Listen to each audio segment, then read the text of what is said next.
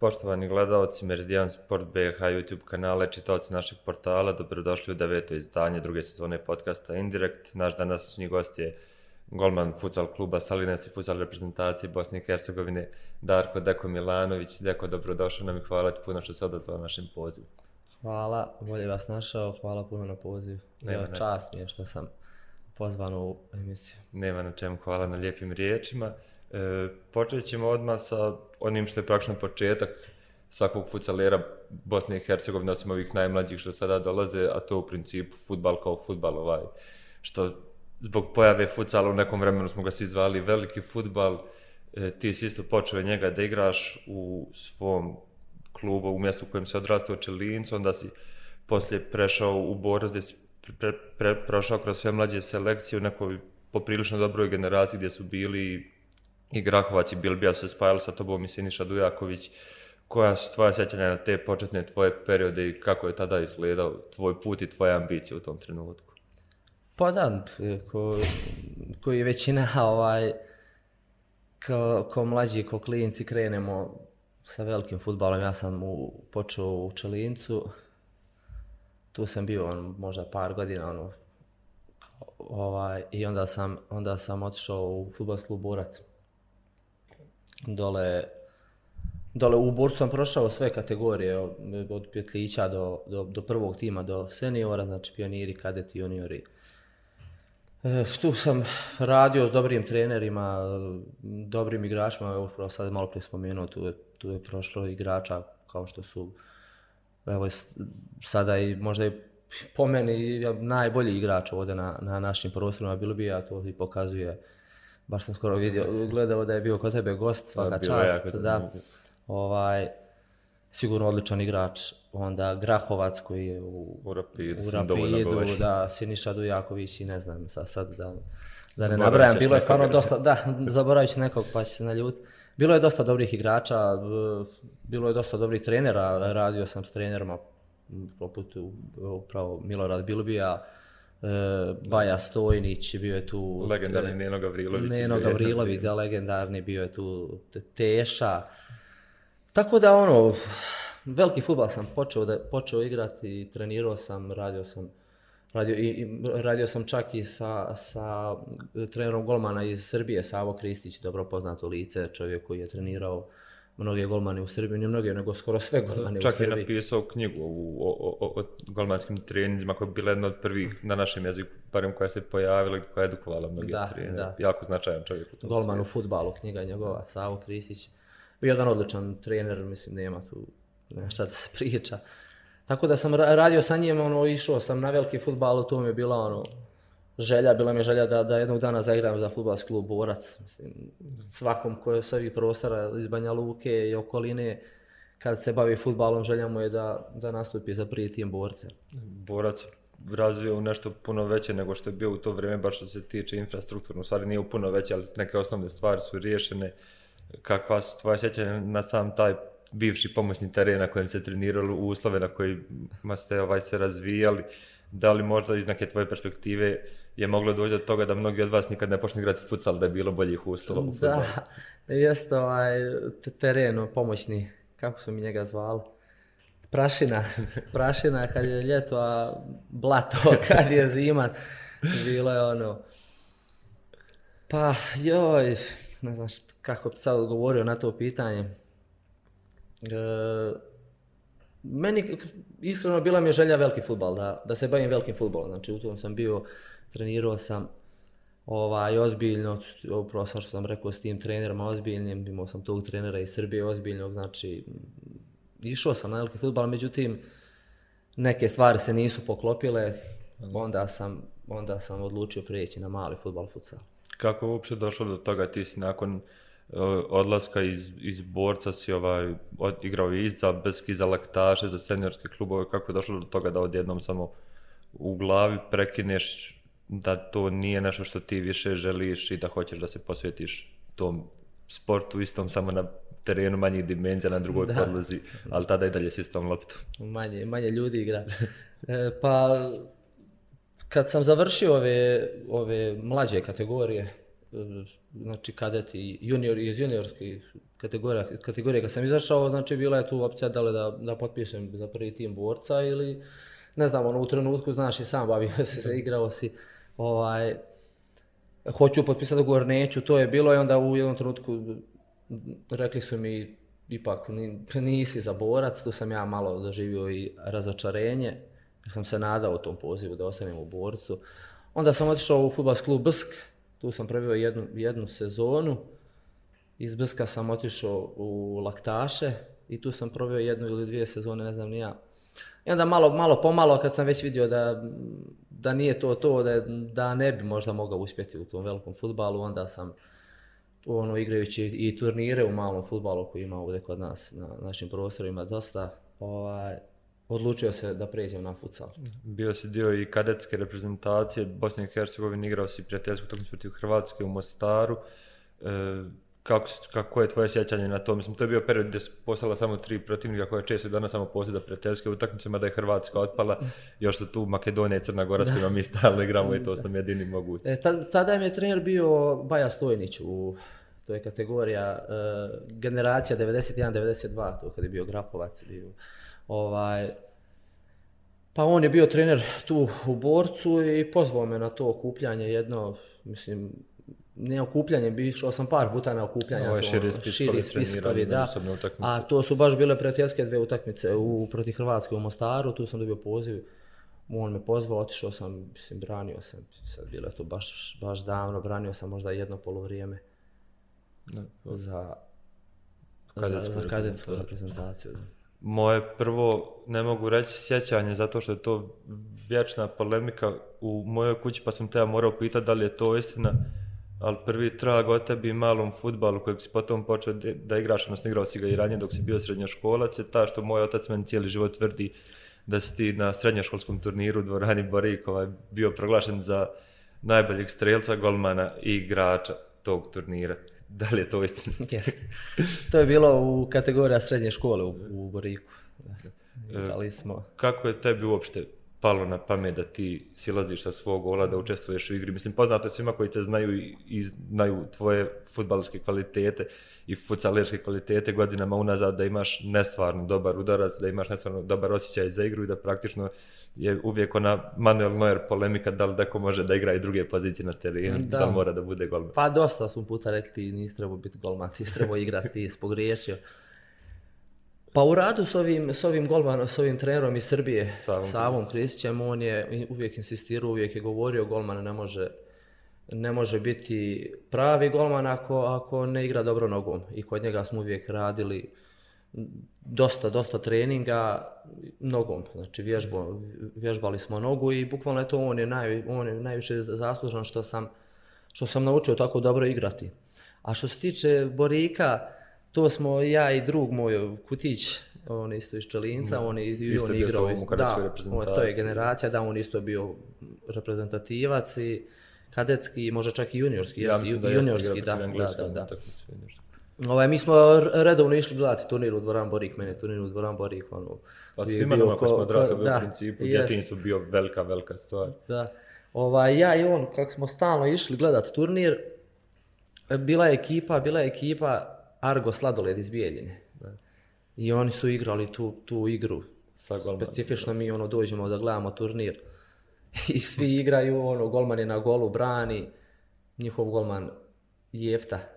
Jeftić, ja ga se ne sjećam. Da, ti ga se ne sjećaš, on je bio strašan isto. Ovaj, I igrali, igrali, igrali su stalno tu igru, znači uvijek. I ja, ja, ja Nemanja, ovaj, onako gledamo, pričamo, ja kažem, mogli smo mi početi, ajmo mi početi ovako igrati, pokušati pa da vidimo kako će ići. I eto, tako smo se odlučili, tako smo krenuli igrati, baš, baš smo bilo mlađi i puno, znači tako smo igrali i pionirsku kategoriju i kadetsku i juniorsku, osnovne škole, srednje škole, znači stalno smo igrali tu, tu igru, igra, igra višak, to smo eto, bukvalno prepisalo od pa, ovih izbijeljene. Da, svima nama mlađima koji se ne sjećamo, golmana Jeftića si ti taj koji je to implementirao u našim moćima. E, tada je to bilo opet 5 plus 1, danas je 4 plus 1, e, gdje je malo više logike primjenjivati golmana u, u, u polju. Jes, danas je u, u modernom futsalu, u profesionalnom golman, pa uvijek vole, vole ljudi reći pola ekipe. I svaka ekipa ima bar jedan period igre u kojima radi to sa Da, petim naravno. igračima, odnosno golmanom. Ovaj, baš se ta, ta igra 5-4, 5 na 4 ili eto, ka, mi kažemo popularno višak, igra višak, imaš igrača više. Ovaj, dosta se sad forsira i u profesionalnom futsalu i u, ne znam, španska liga je najbolja liga u futsalu, ima tu ruska liga. E, Većinom su golmani, svi znaju igrati dobro nogom i svi prelaze, pređu centar, igraju. Da. da li je bilo tih situacija dok je bio mali futbal 5 plus 1 kada se to radili, da ti se ne postavljaš kao što se danas nekad postavi taj višak u futsalu skroz blizu gola ili u neki od kornera ili negdje naprijed, da li si uvijek morao da budeš taj zadnji ili Ma koja bilo je, bilo je, uvijek smo ono, sve zavisi u u Od određenom situacije, trenutku, da, od situacije, ono, možemo se zamijeniti uvijek. Ja sam eto kao uz tog čovjeka naučio bukvalno igrat futbal. Znači uz čovjeka ovog Savu Kristića što sam trenirao, znači njega uvijek volim spominjati i on mi je onako, svi trenera, sva- svaka čast ima, ali on mi je nekako u mojoj karijeri do sad, ono, broj jedan. Kakav je? Njemu sam najviše zahvalan, tako mogu reći, što, što sam tu gdje jesam. Ajde, I što tako. gledaš futbal na taj Da, način, vjerovatno generalno. E, Kakvo je, kakav je tvoj subjektivni osjećaj oko toga, da li ti je, na primjer, u tom 5 plus 1 ili 4 plus 1 fut, odnosno malom futbalu ili futsalu, gdje ti se otvaralo više prilika za šut, odnosno gdje si lakše dolazio do prilike za šut? 4 plus 1. A što se tiče lopte, koja ti je više... Pa, u futsalu se igra malo loptom četvorka, da i tu ima, imaš više prostora, ima više taktike, znači ima da se igra već ovo 5 plus 1 velika lopta, to je već malo teže, ima više ljudi. Lopta je sa velikog futbala, malo je, što kažu, življa, tako da je malo teže na 5 plus 1.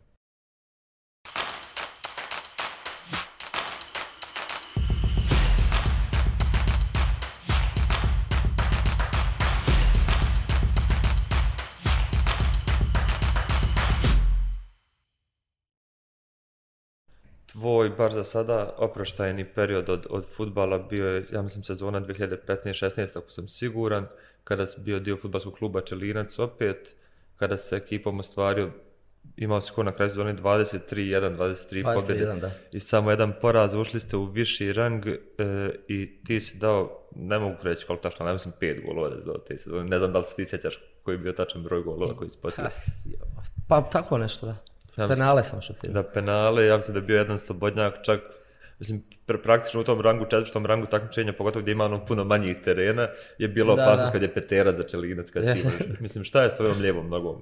U principu, jeste, da li je Pa, to stvar treninga ili samo urođenog talenta? Mislim, trening je dosta tu, ali Je- zna, znaš i sam kako to ide. Trening je 90%, znači ima uvijek talenat, ja, ja uvijek kažem, onako, ono ljud kad komentarišu onako, pa kažu džaba mu trening, ako on nije talenat, neko kaže džaba mu talenat, tako neće da trenira i to je ono jedno s drugim tu, ali po meni je trening 90%. Mislim, mora biti talenta to naravno, ali trening dosta znači. prije samog ulaska u futsal i prije nego što se on onako formio kao praktično sport i dobio svo, svoje nivoje takmičenja u Bosni i Hercegovini, uh, glavni taj akcenat se stavlja u, u životima današnjih futsalera na turnire u malom futbalu, koji postoje praktično svugdje, svugdje gdje postoji betoniran teren, dva gola i gdje je lopta ikad viđena, tu se igra taj turnir. E, koja su tvoja omiljena sjećanja na, od svih tih turnira koji si prošao i koliko od prilike misliš da si prošao, da li je to 300, 500, 1000? To je jako poteško pitanje malo turnira, turnire igram, evo, već zadnjih, ne znam, ni ja, od kako znam za sebe, od kako sam počeo da mali futbal, svi mi krenemo tako sa turnirima, dobro sam upravo rekao, sve jedno mjesto moguće ima betonski teren, dva gola i tu se organizuju turniri. Uf, baš smo, baš smo dosta turnira odigrali, ima anegdota s tih turnira, baš dosta. Moraš nam nešto da daj Ma- nekog mjesta. Šta ti je najzanimljivije? Ne mora biti grubo previše, ali Da. Pa jo, sad smo malo, moram se malo prisjetiti. Kaže, kad smo ih odigrali mali milion. ma da, naravno. Ovaj, koje, imaš li neko mjesto koje ti je najdraže od ovih nepopularnih turnira gdje najčešće voliš otići? odnosno, ima li neko mjesto koje najbolje organizuje malu? da- Turnir, da, ima, ima. Ima recimo turnir u Širokom brijegu. Mjesto Trn prije Širokog brijega, to je jedan turnir ovaj, koji je tradicionalno. To čak ne znam trava, ja mislim. Nije, nije. Nije, to je ovaj beton, beton, betonsko igralište. Turnir baš bude dobar, mislim, igraju svi, svi najbolji futsal igrači sa, sa Balkana, znači iz Hrvatske, Slovenije, Srbije, Bosne, znači to je, to je po meni ono jedan od najboljih turnira, da kažem ljetnih, hajde, pošto mi tu, tu imaš turnire, imaš ljetne turnire, da, imaš zimske turnire. Sezone, da, ja isto tako govori, imaš sezone po, po dva, tri mjeseca gdje ono, mi igramo stalno, a recimo od, od zimskih turnira, to je što se tiče, to je ljetni turnir, po mene najbolji. I tu baš volimo otići igrati. A zimski turnir, Borik, nema, Borik je ono... Ne, turnir u Derventi na dosta dobrom glasu, ali on je više da, se profilisa kao futsal turnir. Čudno je, znaš kako imaš, imaš turnira 5 plus 1, sa velikom loptom imaš futsal turnir, imaš turnire 5 plus 1 mala lopta, vole izmišljati malo ljudi, znaš, kad ono organizuju turnire, pa ono. A recimo futsal pravi turnir, ovo što sam spomenuo sad u širokom, to je baš futsal turnir pravi, futsal pravila, futsal imaš pravila. E, Borik je standardno njihov tradicionalni turnir 5 plus 1, po meni to ne treba ni da, ni da mijenjaju. Jedne godine su pokušali nešto da promijene, pa nije se baš imali su ono kategoriju futsal, imali su kategoriju ono, da, kako se zvala, futbal. mali futbal.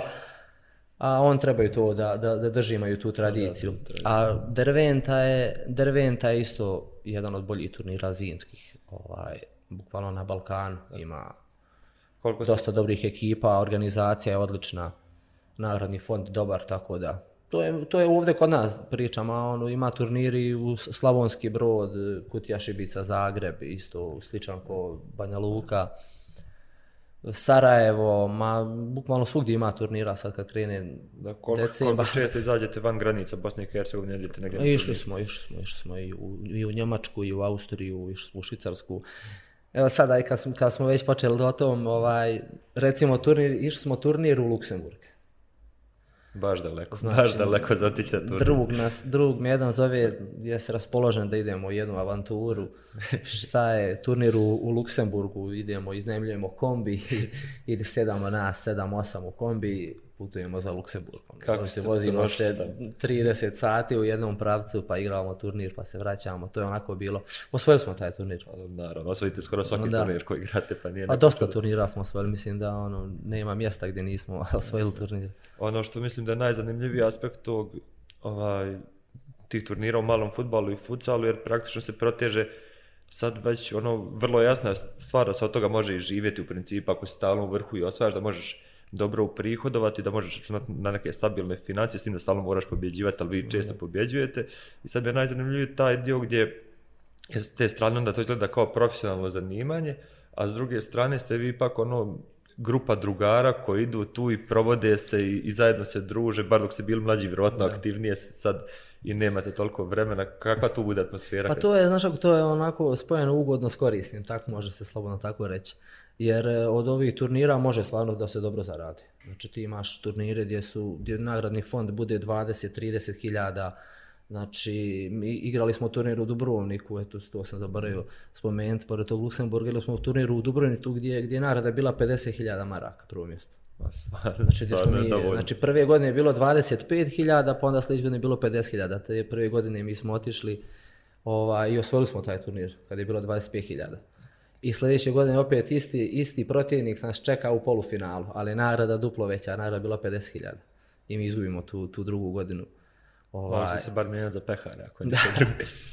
Ali u suštini može, se, može, može dobro da, da se zaradi kad, kad se, da kažem, ekipa uhode. Mi, smo, mi, mi recimo imamo jednu, jednu dobru ekipu koja igramo zajedno već 10 godina i onda bukvalno znamo se, zna, zna se gdje ko se nalazi u, u, u tom momentu kako, kako da, da odigramo. Isto tako i kad, i kad idemo negdje u, u tom smo ovaj po, povezani smo. Razumiješ, sad imaju i, ekipa iz Sarajeva, pa, pa zovne mene i ne znam nija, pa Sarajevo ovog ono što im treba ekipa. Mi, mi odavde zovnemo nekog iz Hrvatske, iz Slovenije, tako nas zovu tamo. Bukvalno smo u tom, u tom, da ne znam kako trko u tom, ovaj, u toj priči, onda bukvalno imamo dobra ekipu, znamo se dosta dobro i kad se to sve spoji, što kažeš ti, fino se družimo, igramo, bavimo se sportom, igramo turnire i fino, fino se zaradi na kraj krajeva, može se čak i živjeti od toga. Činjenica da i dobri igrač turnira u malom futbalu danas i futsalu imaju neki kultni status u društvu, da se ti turniri stvarno iščekuju, da su ti igrači na neki način legendarni u nekim mjestima. Ja sam, na primjer, uvijek se mogu pozvati na tebe kad dođem negdje u neko mjesto i kao ja znam da kada bar sam s nekom, pa me onda ovaj ljudi odmah ono potapšanje po ramenu, ajde sjedi šta ćeš piti. Ovaj, kad sam ja odrastao, kad sam bio dijete i počeo da gledam te turnire, Mile Simeunović je bio kao taj legendarni igrač gdje se čekaju turnir na koje će on doći. Ko je tebi najbolji turnirski igrač, da nikada nije bio profesionalni futsal igrač protiv kojeg si igrao te turnire? Pa Mile Simeunović, sad sam spomenuo, on je ono, baš nemoguće dobar igrač bio. To je bilo i u Dvoran Bori kad je igrao, bilo je ono, igra večeras Mile Simeunović i da idu svi, baš to što kažeš ti, da. Pa ja ne znam, ima tu dosta igrača, ima Predrag Rajić, on je sad moj trener u Tuzlu, futsalu klubu. Pa ta ekipa on... njegova, kako se sjećam, kad su počeli dolaziti na Banja Lučku regiju na turnire, oni su u principu bili prva generacija oficijalne reprezentacije Srbije u futsalu. Da, da. Su igrali, uvijek je bilo ono iščekivanje. Ima, da, on je, on je ono isto bio strašan igrač. On i sad ima čovjek, ima 50 godina, ovaj, sa nama tamo kad treniramo, skine se, igra, znači možeš slobodno reći da je bolji od, od dosta igrača. On je baš onako strašan, meni i dan danas fenomen kako i dan danas igrao odlično. E, ne znam ko tu još ima. Ma bilo je dosta igrača dobrih. To, ono, kolika su uopšte ljubav ti turniri, pošto se sjećam, na primjer, neki profesionalni futbaleri, igrači velikog futbala i reprezentativci Bosne i Hercegovine, poput Zorana Kvržića su dolazili igrati te turnire, da, ti često igrao. dolazili su, dolazio je, Milo, Milovanović je dolazio u Borik jedne godine dok, dok igrao u Zvijezdi. I, e, Senija Djebričić isto stalno igra turnire, mi smo čak igrali zajedno u, u, u ključu. Moraš mi njegov deska i duka na bavčevi. pa ne, to je, da, da. Ovaj, igrali smo turnir u ključu zajedno, bio je tu sa nama. Ima, ima, tako, ima tako slučajeva dođu, dođu igrači sa velikog futbala. Mislim, to je, ja ne znam, to je neka želja i kad to voliš, nije to, pa da, znaš, ono, dosta ljudi kaže, joj, on, vid ga, zarađuje dobro, došao na odmor, on došao igrati turnir. Došao je zato što voli pa, da, mislim, malo da se i druži s... Postoje te društveno prihvatljive pa, i neprihvatljive stvari koje neko nameće šta neko mora ili ne mora Jest. da radi u principu. Dok on, baš mi je bio Dario Damjanović u prošlom podcastu pa je govorio o tome, o, iskustvu kako su braća Robert i Niko Kovač pri utakmicu reprezentacije Bosne i Hercegovine i Hrvatske pušli cigare u avazu, u, u, u kafiću, restoranu, šta je već nisam ovaj, nikad tamo išao ovaj, i samo sutra su igrali prijateljsku utakmicu, ali na javnom mjestu pošli ono opravdanje, ako ja imam rezultat, ja mogu da Jest. radim. Ono što ja sam isto zato stalno, ako je rezultat dobar, ako dobro treniraš, nema, ti privatni život ne treba gledati. U principu, tvoj jedini zadatak je da budeš dobar Jest. na terenu u, u svakom od sportova. Kroz sve te turnire koje ste prolazili, da li ste ikad mogli zamisliti da će se jednom nešto oformiti kao profesionalni sport, nazvati se futsal, uvesti se posebna pravila, dobiti svoju ligu šampiona, biti u ozbiljnim raspravama da postane olimpijski sport, dobiti svjetska evropska prvenstva, kako izgledalo iz te perspektive? Pa ja tad kad sam ono, ono prelazio sa, sa ovaj velikog futbala na ono kad sam se odlučio da pređem na futsal, tad je već bio futsal ovaj u, u, u razvijetku, da tako kažem. Znači, bilo je klubova, bio je futsal klub Ekonomac, bilo je ovdje u Mostar, Stari grad, ovdje u Banja Luci je bio Sokrates, Sokrates futsal klub Sokrates, bio je klub kod nas u Čelincu, Čelina, znaš, sam, da, što 2008. gdje sam, ono, i, i tu sam igrao. Ovaj, pa i, i već sam tada ono vidio da svidla mi se ta priča oko futsala, ono, bukvalno sam rekao sam sebi, nema šta idem ja na futsal, dosta mi je velikog futbala i blata i prašine i vrućine i hladnoće, idem u dvoranu gdje je fino, toplo da igram. Tako da već sam ono vidio da je futsal korektan sport i tu, pronašao sam se tu odmah. Kako pamtiš svoje početke u futsalu? Da li je to u, u, u principu startu izgledalo samo, mislim, taj trenažni proces, da li su bili više forsiranje igranja termina klasičnih ili se odmah pojavili neki taktički detalji koje ste mogli trenirati? Pa u, pa u početku to nije bilo baš ozbiljno. U početku to nije baš bilo ozbiljno. Prvo sam bio u futsal klubu Čelinac, mislim treniralo se, ali nije to bilo, nije to bilo na pa nije bilo na, prostor na za edukaciju, da, nije, nije bilo tad je to. Samo šta drugi rade pa kopirati. Jeste, to je tek bilo počelo. Onda, onda iz Čelinca sam prošao u Sokrates, futsal klub Sokrates u iz Banja Luke, gdje isto ono društvo, prava, na, prava ekipa, društvo gdje se skupimo, igramo termin igramo termin i poslije se skupimo igramo na utakmice. Znači nije bilo ozbiljno e, sve do mog odlaska u, u brod. Da, to je bio tvoj prvi praktičan iskorak koji je bio profesionalizam. Jest. U mene, mene ke brod, 0.35. To, to I to je bukvalno došlo sa turnira, mi smo igrali turnir u Slavonskom brodu i predsjednik tog kluba je bio, bio tu. Prišao mi je ono, pitao da li bi ti došli igrati Hrvatsku ligu u Slavonski brod, ja sam odmah pristao, tu smo malo dogovorili malo i, i to nije na početku bilo toliko ozbiljno, ja, ja nisam, nisam trenirao u brodu, ja sam putovao samo na, na utakmice, tako sam bio dogovorio, trenirao sam malo sam, ono, sam za sebe i ovako sam ono, bukvalno termin, igrao termine i to. Ali tu, tu slobodno mogu reći da sam tu ovaj, napravio pravi potez kad sam otišao tu u Hrvatsku. Hrvatska futsal liga je ono, baš organizovana, medijski ispraćena dobro. Tu, tu, tu su me primijetili dosta, dosta ljudi, dosta klubova i eto odmah, iz prvu, odmah prvu polusezonu, prvu sezonu kad sam došao tu, postigao sam 12-13 golova što je bilo ono wow, ono u Hrvatskoj ligi svi su ko je ovaj otkud tu.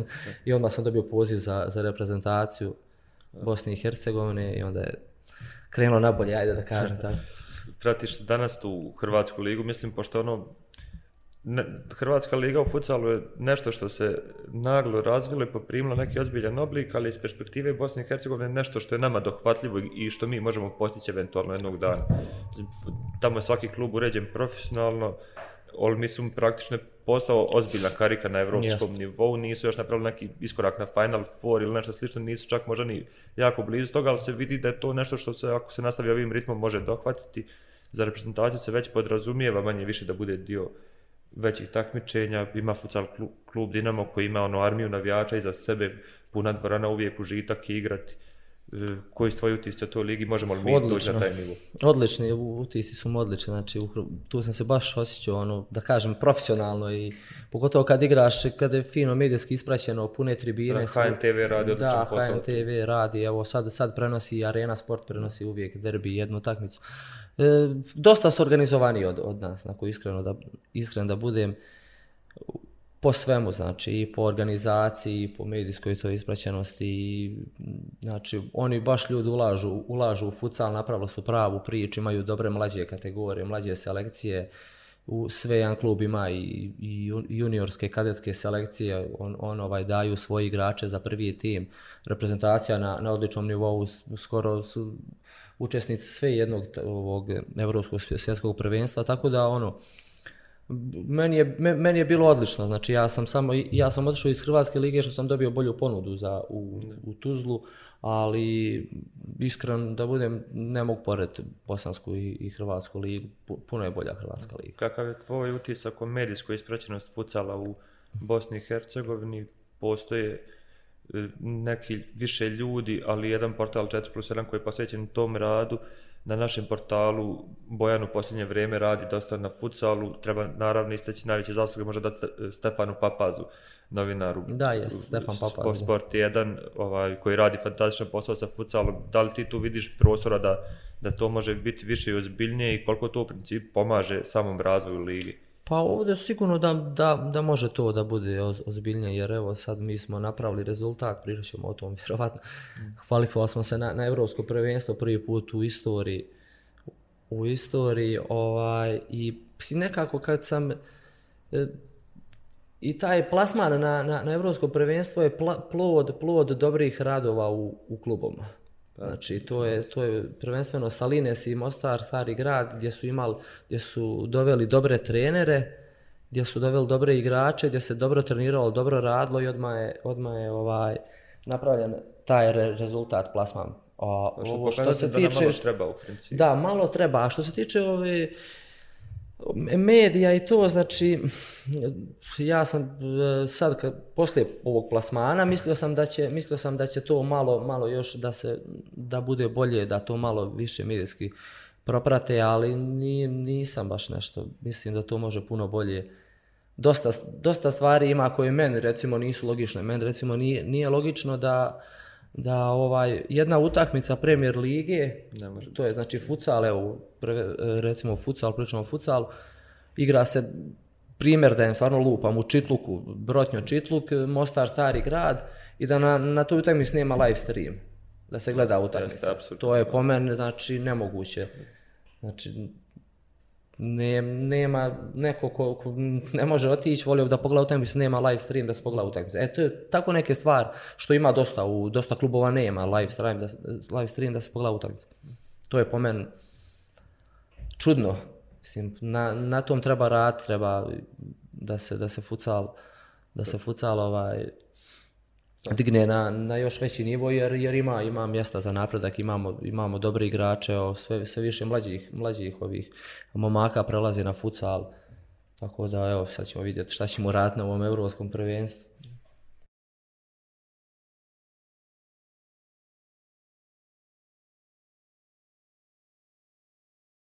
Praktično se stiče utisak da se ponašamo svi uključeni u, u sve sportove kod nas, kao da se podrazumijeva da mi moramo da pravimo velike rezultate i da nećemo uopće da učestvujemo u njihovoj izgradnji, već da čekamo tek veliki rezultat da bi ga onda promovisali, svi ga prisvajali. Da. Imamo, uh, aktuelno je već praktično od početka ove godine Lana Pudar, fantastični, najbolji rezultat plivački Bosne i Hercegovine, nikada djevojčica od 15 godina koja u, u, u svom gradu nema olimpijski basen, absurdne stvari. To je to, to su, to su te neke stvari koje su absurdne, što kažeš, da Ne, neozbiljno. Da. Pa možemo u principu, jasno, treba se vagati koja je riječ prava, ali neozbiljno da, u principu. Neozbiljno. Da. Onda imamo u, u futsal to upravo što kaže za streamove, što je najjednostavniji oblik yes. praktično prijenosa neke utakmice, svima je dostupno, svima je lako. Uh, treba opet pohvaliti tu s druge strane neke druge klubove kao što je GFC Sarajevo i Jasmin Ligata koji Jasmin Ligata. stvarno radi odličan marketing, odnosno na, izabrali su dobru taktiku kako da privuku ljude na te streamove, a možda je potaknu i druge klubove da naprave streamove. On su napravili baš onako onu dobru foru da kažem, ovaj, sa, sa Ligatom, on je jedan odličan lik koji, se, koji ono, komentariše utakmicu urnebesno, znaš da je ono uvijek smijanje i već je postavio, skoro izašao i u Amidži show. Pa, ali ko to neće gledati? Mislim, ono? da. Kad zna da on prenosi, kad zna da može očekivati komentare koji će ga stvarno nasmijati. Sve su dobri komentari, bukvalno je ono, Sad ne znam da li, se, da li se ovi igrači na terenu vrijede na to ili ne. Pa, ali... ne znam, oni njihov tamo, oni, oni svoje, svoje malo i vrijeđa nekada, ovako protivničke nije, uglavnom je korektan. Dobro, ovaj... Ja ga spoznajem i lično jako dobar lik. Čekaš li ti da, da tebe iskomentariše na utakmici? Nije mene nikako. Mene je sada ovo bilo prako kad kaže, kad smo igrali, a Davor Arnautović, ovaj što igra sa onom Mutuziru je ovaj, isto prijatelj sa njim, znamo se dobro, pa kad kaže, pa kad kaže, vidi Davora, Davor je pobjegao od one svoje dvojice, skače mu po glavu po cijeli dan, misli na sinove. Znaš, pa mi kad smo pili kafu, sjedli, pa gdje Davor govori, jo, izluče me, djeca ne mogu stalno skaču po glavi. Onda on to pa, dobro, prenosi utakmic, komentariše, pa ubaci to, mislim što je smiješno, poslije se i mi svi nasmijemo. Ok, treba takvi stvari u sportu.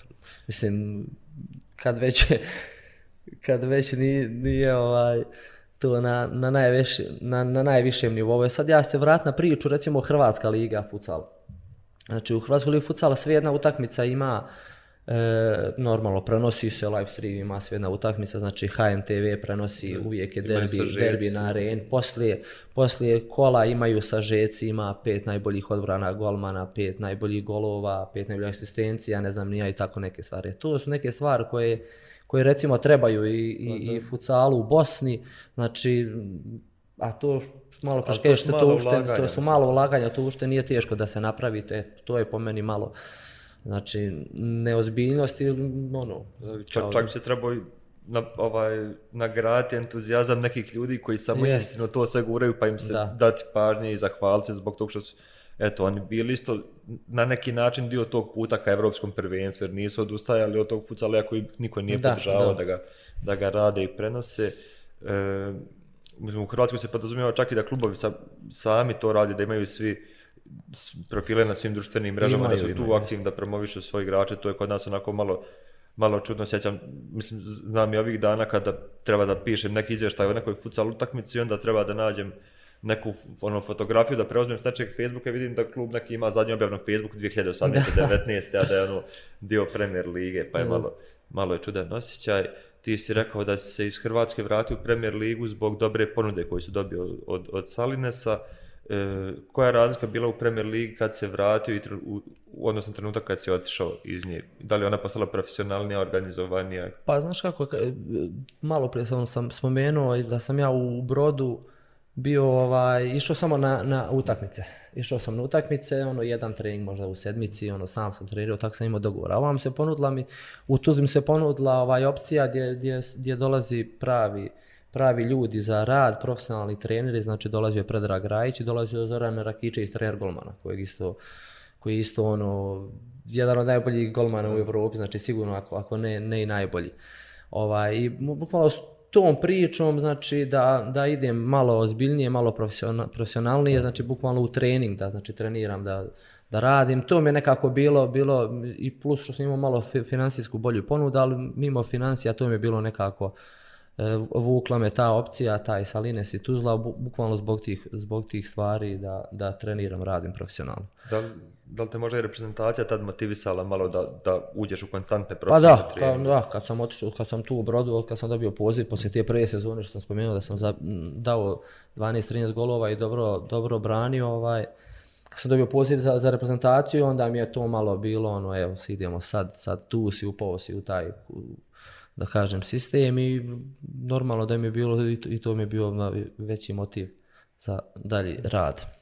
Kakva je trenutno danas organizacija i Salinesa i ostalih klubova u Premier Ligi? Koliko tu vidiš praktično ono jaki klubova koji mogu prerasti u nešto na kontinentalnom nivou, ozbiljno, mislim za početak regionalnom, da li ima potencijala i da li se futsal u principu nastavlja razvijati i da li je odlazak na Evropsku, odnosno iz, to, tačnica da se izborila Evropsko prvenstvo, taj plasman donio neki dodatni bum i doda, dodatni mm, podstrek da se futsal Pa naravno da jeste, ovo, samim odlaskom na, na evropsko prvenstvo počelo da se priča, počelo da, da bruji o nama.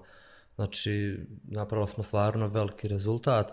A što se tiče klubova, e, teško je, jako je teško ovaj, napraviti nešto, da kažem, u Evropu, lig šampiona. Mi smo sad u, sa Salinesom osvojili smo titul, znači, kad sam e, iz Broda, kad sam otišao, Ne prvu sezonu, nego ovu dru, sljedeću, drugu sezonu smo osvojili titulu, titulu ovaj, u prvaka države i igrali smo ligu šampiona. Međutim, malo se poremetio taj sistem igranja, inače u futsalu u ligi šampiona igra se, znači imaš preliminarnu rundu i onda ide ova prva runda, main runda, gdje se igraju, gdje ima četiri kluba i, i igra se u jednom gradu.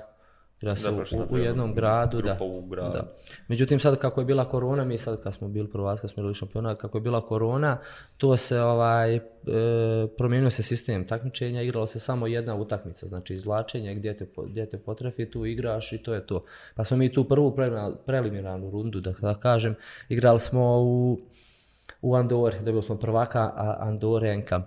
I jedna, jedna za, zanimljiva činjenica da je za, tu, za taj klub igra, igrao Javier Saviola.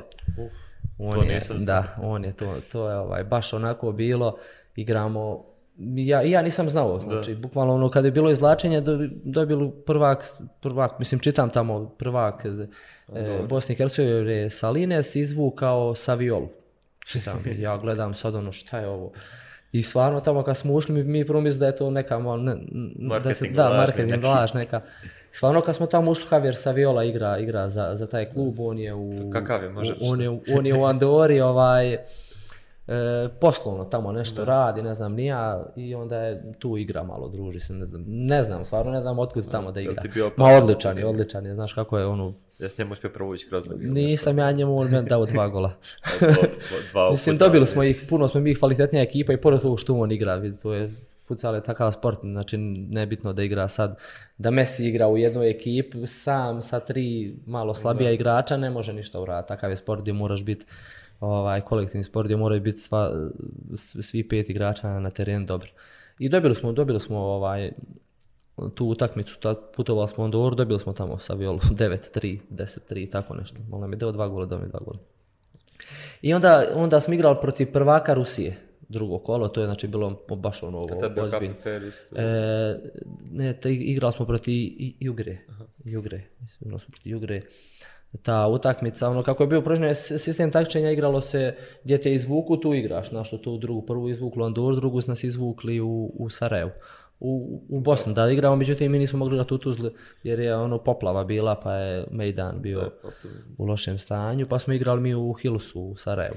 Isto nije bilo publike korona, mislim to je baš nako bilo šteta jer do, dolazi prvak Rusije, ekipa koja je čak osvajala ligu šampiona, ne znam koji je 2005-2006. godine, znači preozbiljna ekipa.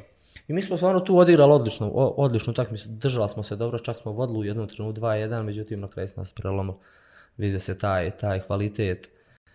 Ali hoću da kažem s ovom pričom da je sad još teško ovaj razmišljati i mislim da je teško da klub da neki klub, ne znam, iz, iz Bosne, iz možda čak i Hrvatske, Slovenije, Srbije, znači s ovih prostora da, da nešto napravi u Evropi jer su to stvarno odlične lige, preozbiljne lige, Španija, Rusija, Portugal, znači to imaš bukvalno ekipe koje je teško, teško. Kako je organizovano uopšte ono prvak Rusije, bar iz, iz, iz tvoje perspektive kad ih vidiš tu na toj utakmici? Ja sjećam da sam gledao par nekih pripremnih turnira, odnosno par utakmica kroz neki pripremni turnira gdje dođe profesionalne ekipe, na primjer iz Italije, pa se pojavi, na primjer, 40 ljudi tu. Da, da, ono, da. Imaju sve živo, dva fizioterapeuta i svega drugog.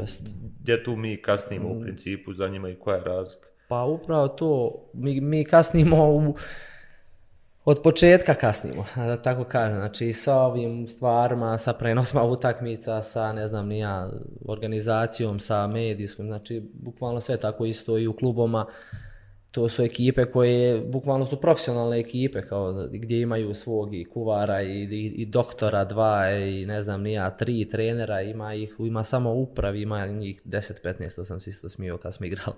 Jednom priliku kad smo igrali pretesku utakmicu protiv isto uh, Rusa Visinare u kad sam igrao za Sokrates od iz Banja Luke, pa smo išli u Herceg Novi igral pretjesku utakmicu sa Visinarom, pa ono mi, mi kad smo došli, nas deset, jedan trener i nas deset igrača.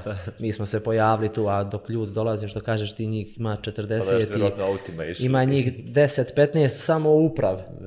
U, u stručnom stožeru, a kamal gdje su ono igrači to, tako da ta, ta neka ozbiljnost malo mi kasnimo još za, za ti nekim stvarima, ali recimo evo ovaj, Što se tiče zadnjih 5 godina dosta, dosta napredo i futsal i klubov u futsalu, u, prvenstveno u Bosni i Hercegovine, to recimo taj ovaj klub moj, sad je ja igram Salines Tuzla City, znači e, odlične uslove imamo, imamo dobre trenere, spomenuo sam malo prije Predrag Rajić, znači futsal legenda, jedan od najboljih igrača na Balkanu i kad ovaj je trener, bio je tu Zoran Rakičević, što je bio moj trener golmanski, znači kojim sam isto jako zahvalan, ovaj, jer specifično je kad, kad sa velikog futbala pređeš na mali, pogotovo golman.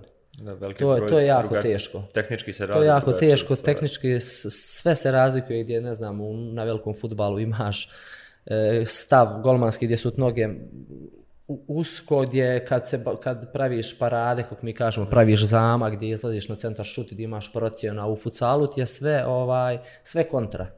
Sve kontra, znači stav mora biti što širi, znači praviš špage, ne znam, nija, kad braniš, nemaš zamaha rukama, sve ideš u brzina, refleks, onda to je jako teško promijeniti. I onda on kad je došao tu, tu on men kaže, odlično, odlično braniš sve, ali braniš veliki futbal.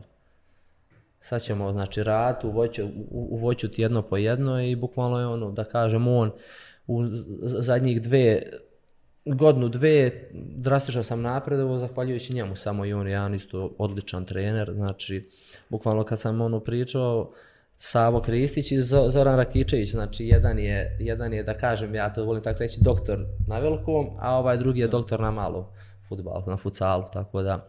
I takvi stvari treba u futsalu generalno, u Bosni i Hercegovini, znači takvih trenera, medijski, opet se vraćamo, medijski dosta, da, dosta znači. Dosta znači nama, nama igračima, da se ti osjećaš se fino, kad se ti osjećaš kao profesionalac, imaš sve uslove za rad, normalno da ćeš biti bolji.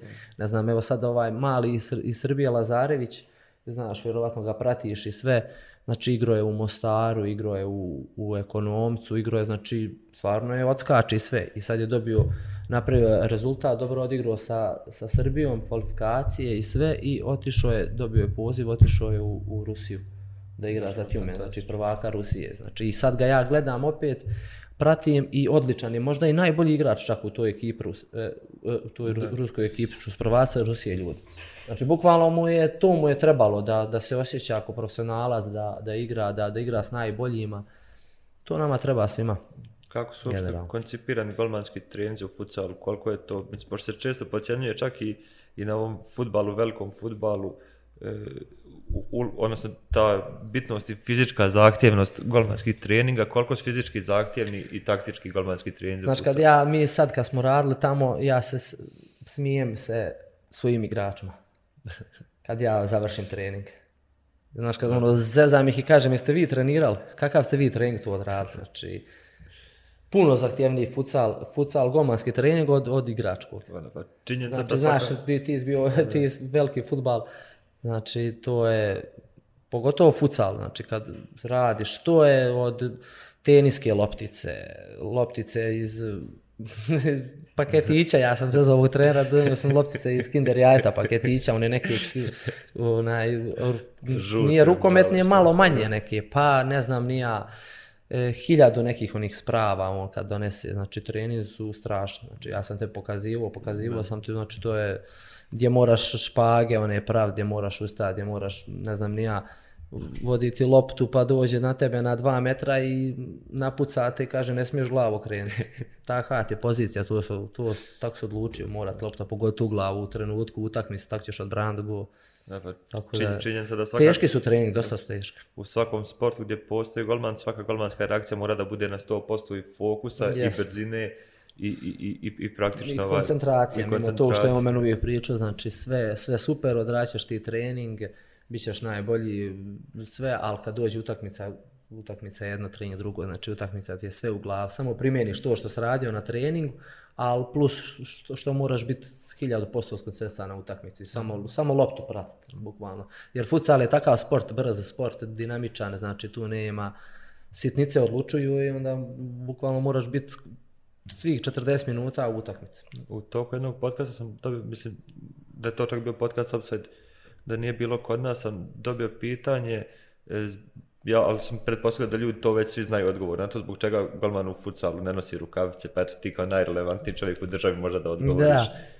Pa, joj, nekako je lakše, ruke su ti lakše, jer kažem, opet kažem, sve su neke e, reakcije brzinske, e, ruke su ti lakše, lopta je manja, teško je, e, lopta, ne znam, kad se baca i u svom igraču, kad, kad odigraš, kad je bacaš u kontru, nekako je lakše da, da, je, da je uhvatiš jednom, ono, koji, rukometni golman isto što ne nosi rukavce, znači, bukvalno je, Eto, to ste, to nešto, a ima, ima i golmana i koji brani u rukavcama. Pa, Ima moja teorija upravo bila to da se puno češće lopta baca rukom nego u futbalu, Jest. pa da samim tim je puno lakši osjećaj i puno veća puno da je će se lakše. pogoditi rukom Puno, tamo gdje. puno lakše kad je treba. ono, gola ruka da kaže. Što se tiče samih treninga, koja je tebi najzanimljivija tu vježba s kojom se susreo, najteža i a koja je ona koja ti je najviše, pošto sam rekao imao si navike s velikog futbala, koja ti najviše doprinijela da, da. tehnički postaneš bolji Naj, na naj, futsalu? naj, ovaj, gore, najteže mi se bilo, bilo prilagoditi dole.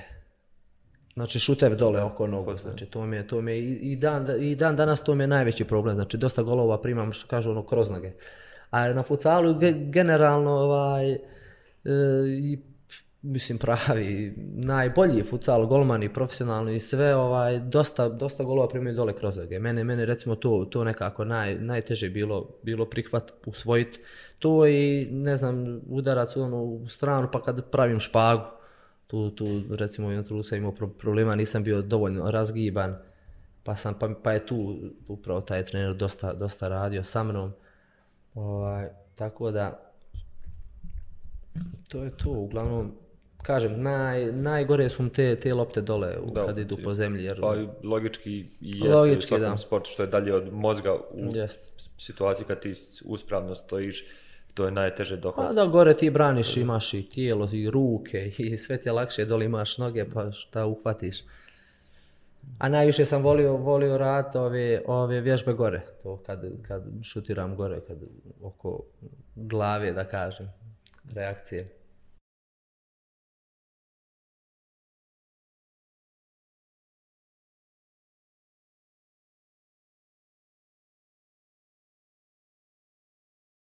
Već si naveo kao težavajući okolnost za futsal golmane da primaju iskustvo sa velikog futbola, sa velikih golova i, i druge podloge i drugih navika, dok s druge strane često golmani velikog futbala, kako ga moramo zakaj pričamo o futsalu, jer je kulturološka stvar. Futbal i futsal.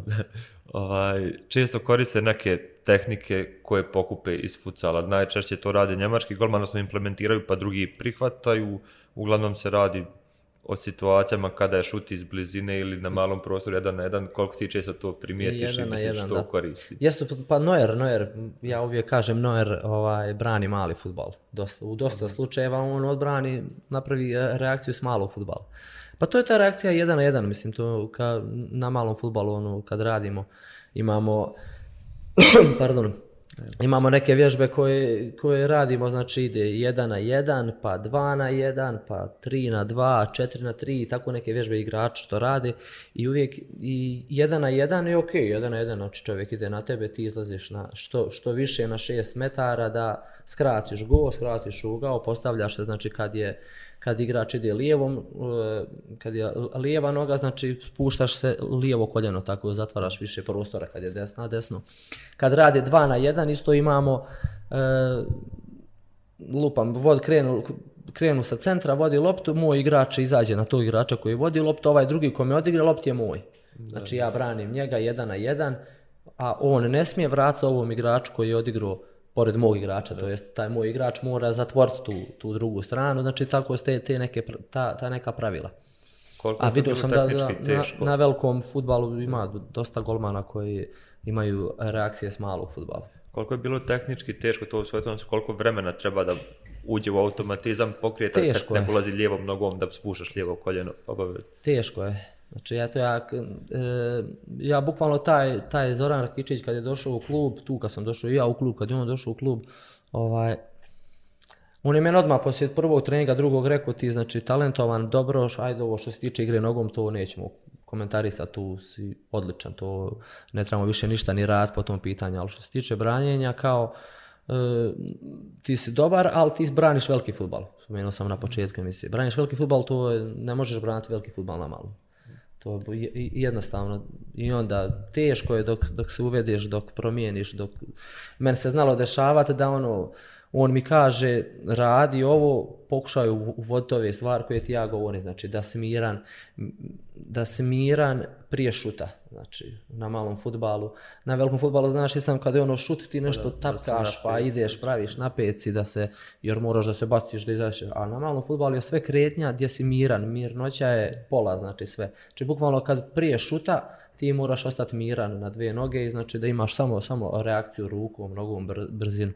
Tako da mi je bilo, bilo mi je to teško se ovaj uvest, prebaciti bukvalno sa velikog na mali futbal. Ali eto, onda dešavalo se, dešavalo se na trenizma da ono primam golove presmiješne.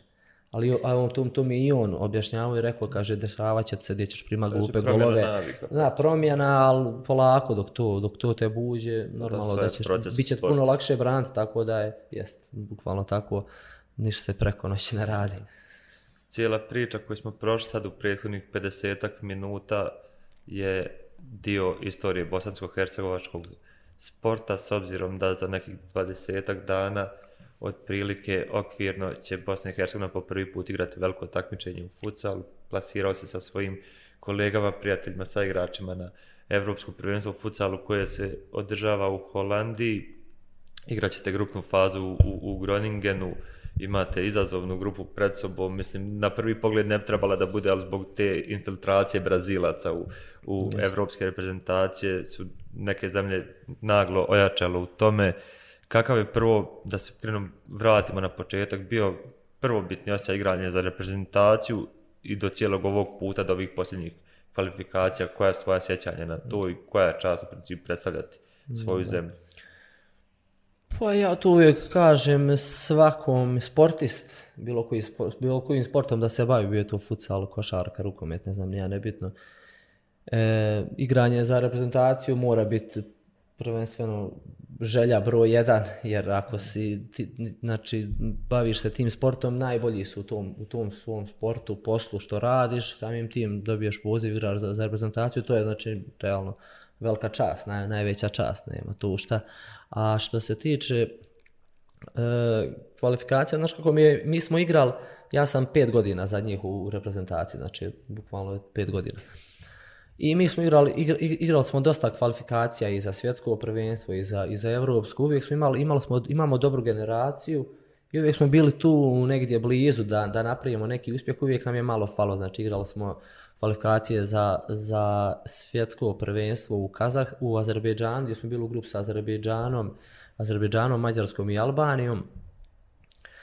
Azerbejdžan bio među, među deset ekipa tad, u, mislim i sad je, Azerbejdžan je među, znači to su, što kažeš ti, nacionalni Brazilc, ovaj, gdje smo odigrali sa njima odličnu utakmicu, izgubili, to je, ja, to je bilo prvi put kad sam ja došao u reprezentaciju.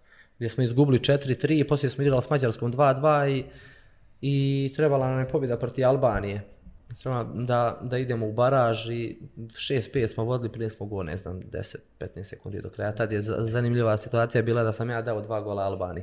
Poslije smo igrali e, kvalifikacije za, za evropsko prvenstvo, u, u, u, u, u stvaru isto je bilo za, za svjetsko prvenstvo u Hrvatskoj, gdje smo bili u grupu sa Hrvatskom, Rusijom i Švedskom. Isto smo odigrali dosta dobro utakmicu protiv Rusije prvaka, e, svjetskog prvaka, bili svjetski prvac.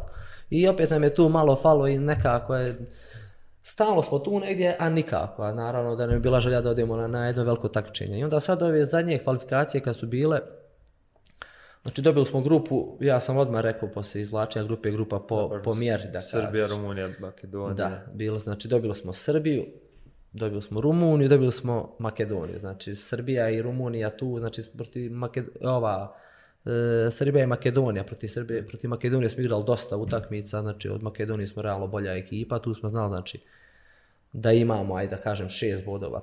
A samim tim prije, prije ovaj, ovih kvalifikacija se promijenio sistem takmičenja.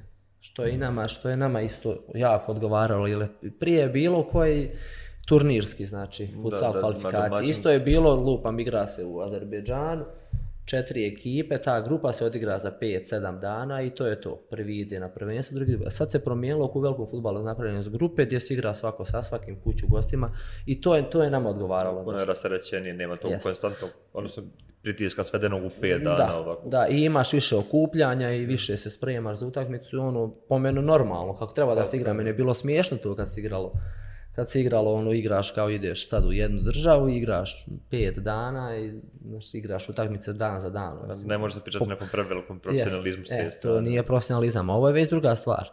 I tu smo znali, kažem, bili smo bolji od, od Makedonije, Srbiju smo znali, znači mi sve te igrače znamo i igramo zajedno i po turnirima i, i igrali smo im prije drugi, znamo, znamo da su kvalitetniji bilo od nas dosta, ali smo, ali, ali smo znali isto tako da, da ih možemo pobijeti. Znači, Srbija je predobra reprezentacija ekipa, oni su čak peti, šesti na, na UEFA rang list. Ovaj, imaju sistem, imaju dobro rade, imaju dobre trenere, znači odlična, odlična ekipa. Ekipa koja, ne znam, lupam, pobjedi Brazil, pobjedi, da. igra sa Argentinom. Konkurentom samom Konkurent. Sa, sa svima, bravo, sa Portugalom, znači baš top ekipa. I dobili smo prvo kolo Makedonije, drugo kolo smo išli u, u Novi Sad, protiv Srbije da igramo. I tu smo, ono, izašli na teren, rekli, ma možemo ih pobijediti i tu smo napravili ono bum iznenađenja, što se stvarno nije niko nadao, ne znam, bilo su omjer, bilo je odmjer i na kladioncu, primjer, dajem 10, 11, 12 mm. kvota na nas, razumiješ? I tu smo ono, ajde da kažem, plasirali se put ka, ka euru.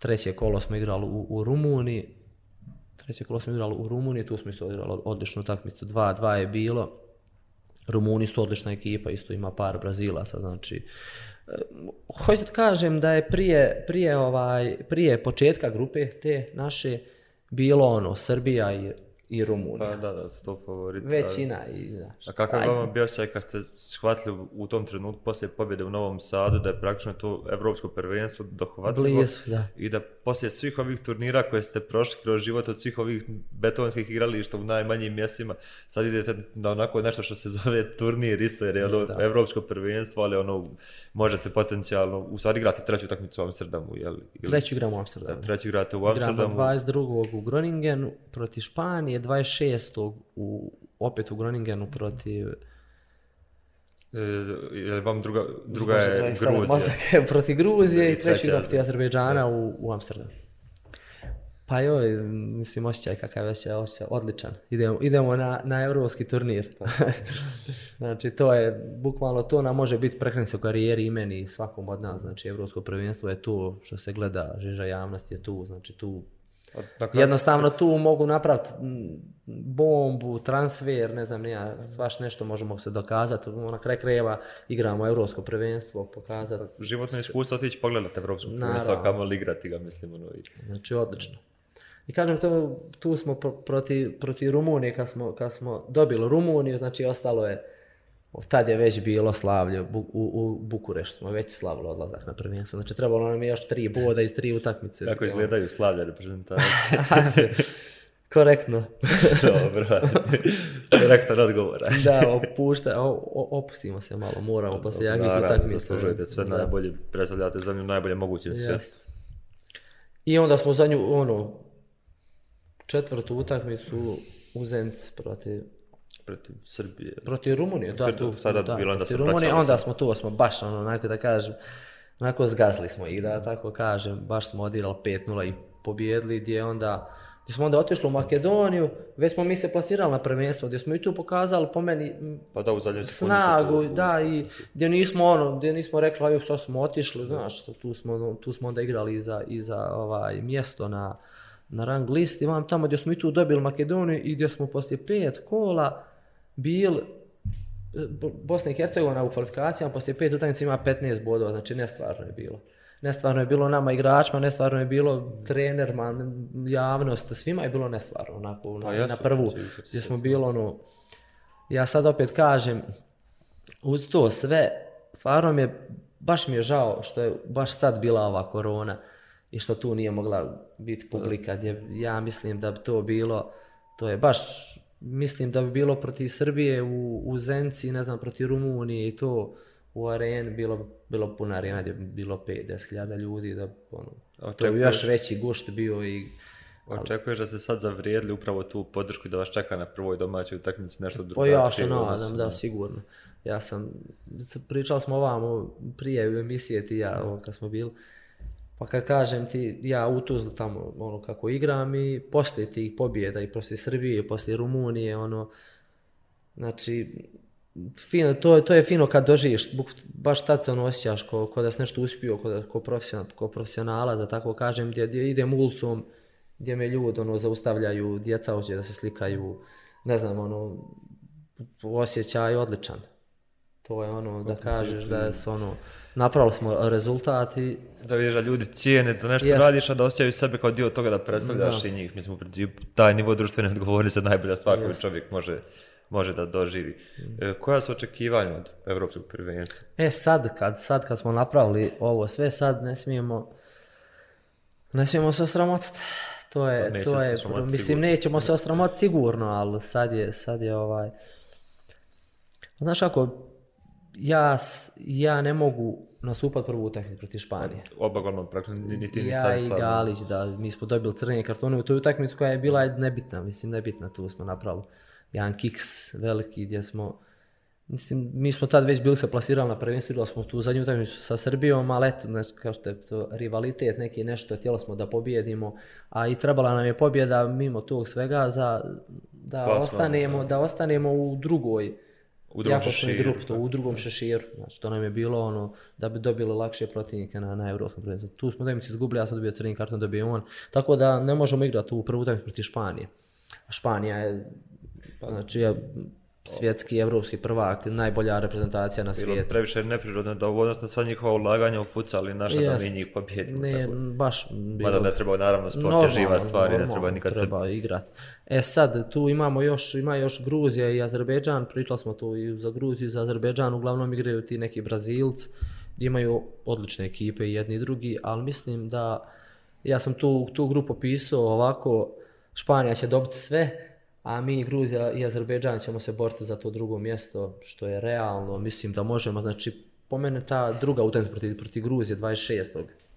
26. januara će biti onako ključ za tu utakmicu treba da se, da se spremamo, mislim normalno treba da se spremamo i, i za Španiju i za Azerbejdžan, sve, ali ta nekako mi je ta utakmica, jer opet kažem, malo je vjerovat da možemo mi pobijeti Španiju, mislim, možemo, lopta je okrugla, futsal je, takva igra, ali treba biti realan. Koliki bi uspjeh bio proći grupa? Pa u proći grupu, znači pa, prolaskom grupe idemo u četiri finale Evropskog prvenstva, to bilo ono, to Praktično baš bio, bilo, u, ovaj, u tih osam najjačih ekipa Evrope, kad Jest. se srtala Bosna i Hercegovina, bilo bi praktično nerealno Kako kako da ne? koliko je, kad je tek, odnosno koliko relativno skoro je futsal kod nas postao profesionalni sport i, i dalje kad se vratimo sad na sve priče koje nam nedostaju, pa to, ovaj, da, onda bi to bio... bilo bi šokirajuće, ali bi odjednom se pretvorilo, svi smo bili Ali od opet mislim, početka. eto, ja, ja sad opet e, nadam se, ja recimo imam plan i u budućnosti da rastim da se bavim futsalom, mo- možda i trenerska neka licenca i volio bi ostati u ovom, znači i, i bu- bukvalno zbog tog volio bi kad, bu- baš poslije ovog evropskog prvenstva da, da stvar krenu malo nabolje što se tiče futsala. Da to se malo podigne, da što više djece krene, da se osnuju i te lige. Mi nemamo recimo ligu juniorsku za mlađe. Mislim imamo, ali Ali isto, se igra smiješno, isto se odigra te nešto neke za, završnice za, kao- da, odigra se nešto za 7-10 dana, što je meni ono, ne znam, glupo mi je to. Volio bi da, da tako neke stvari medijski, da što više djece krene na futsali, jer futsal je stvar, stvarno lijep sport. Igra se u dvorani, fino je, toplo. Uvijek je ugodno znači, toplo za prati, atraktivan je. Publike uvijek ima, vole ljudi dolaze gledat futsal, e, sport dinamičan gdje imaš i driblinga, imaš i bukvalno imaš svega. Znači, ja bih volio da to u Bosni bude sve bolje. A to u principu i, i želja svih nas. Ja se iskreno nadam da ćete upravo uraditi na ovom evropskom prvenstvu stvari poslije koje uopšte neće moći doći pod znak pitanja da li će se futsal Pa nastaviti i ja se razvijati. to nadam, da. Jer ako napravite, po meni je ovo dovoljan rezultat da, da se tome ne bi trebali narat, ali znamo da nama uvijek rastu apetiti Jest, kad se ostvari treba. neki uspjeh. I treba da rastu uvijek Pa, sve. ok, kad, prirodno- kad god napraviš rezultat, samo teješ da bude još bolji. Da, u principu je osnovna stvar sporta, samo Jest. da ono, ne postoji granica, odnosno granica je neki pehar, praktično u svakom takmičenju granica je jedina pehar do koje se može doći, a ja vama eto, ovom prilikom cijeloj reprezentaciji i tebi koji su ovdje sa mnom to i želim i zahvaljujem se puno na, na ovom gostovanju što si izdvojio vrijeme, nadam se da ćete nas sve obradovati na, na ovom prvenstvu, da ćete se vratiti u Bosnu i Hercegovinu koja će onda da doživi futsal ekspanziju i gdje ćete i vi svi u privatnim životima pr, ovaj, napraviti iskorak na osnovu toga, a i sam sport koji svi volite i svi ste ga u principu vi igrači najviše digli do ovoga što danas jeste. Ništa, hvala i tebe puno, meni isto je bila čast, zadovoljstvo da sam ovdje bio danas s tobom, što sam se družio. Eto ja se nadam da ćemo, da ćemo ovaj, u najboljem svijetu predstaviti državu i da ćemo odigrati to, to prvenstvo dobro. Tako da, hvala ti još jednom puno i Nema na čemu. E, poštovani gledalci, bilo je ovo deveto izdanje druge sezone podcasta Indirekt. Ostanite uz naše podcaste u svim formama koji snima posvećeni Premier Ligi, ABA Ligi i Indirect podcast. Čitajte naš portal i ostanite uz nas, da vam što više da vam poželim. Prijatan dan.